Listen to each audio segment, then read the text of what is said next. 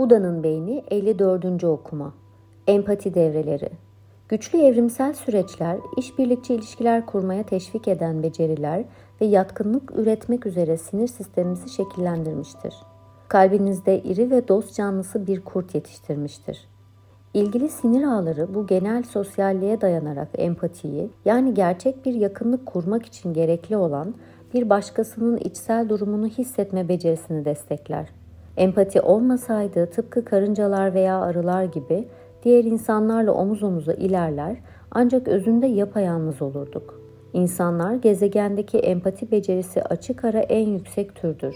Olağanüstü becerilerimiz karşıdaki kişinin eylemlerini, hislerini ve düşüncelerini canlandıran üç nörolojik sisteme dayanmaktadır.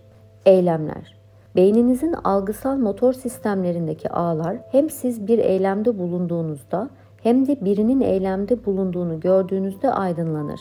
Bu da size onun deneyimlediği şeyi kendi bedeninizde hissetmenizi sağlar. Bunun sonucunda bu ağlar diğerlerinin davranışlarını yansıtır. Bu da şu yaygın terimin doğmasına yol açmıştır. Ayna nöronlar. Duygular. İnsula ve ona bağlı devreler, korku veya öfke gibi güçlü duygular deneyimlediğinizde aktive olur.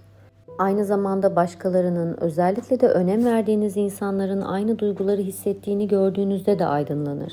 Kendi duygusal ve bedensel durumunuzun ne kadar farkında olursanız, insulanız ve ön singulat korteksiniz o kadar aktive olur. Böylece başkalarını okumakta da o kadar başarılı olursunuz. Dolayısıyla hislerinizi üreten limbik ağlar başkalarının hislerini de anlar. Sonuç olarak duyguların ifadesindeki noksanlıklar sıklıkla başkalarının duygularını tanımlamayı da kötüleştirir.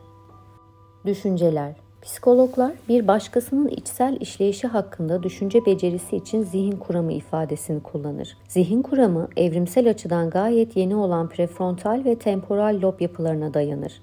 Zihin kuramına dair beceriler ilk olarak yaşamın 3. ve 4. yıllarında ortaya çıkar ve prefrontal korteksin ergenliğin sonu veya 20'li yaşların başındaki nihai miyelinasyonuna yani sinirsel sinyalleri hızlandıran aksonların yalıtımına dek tam anlamıyla gelişmez.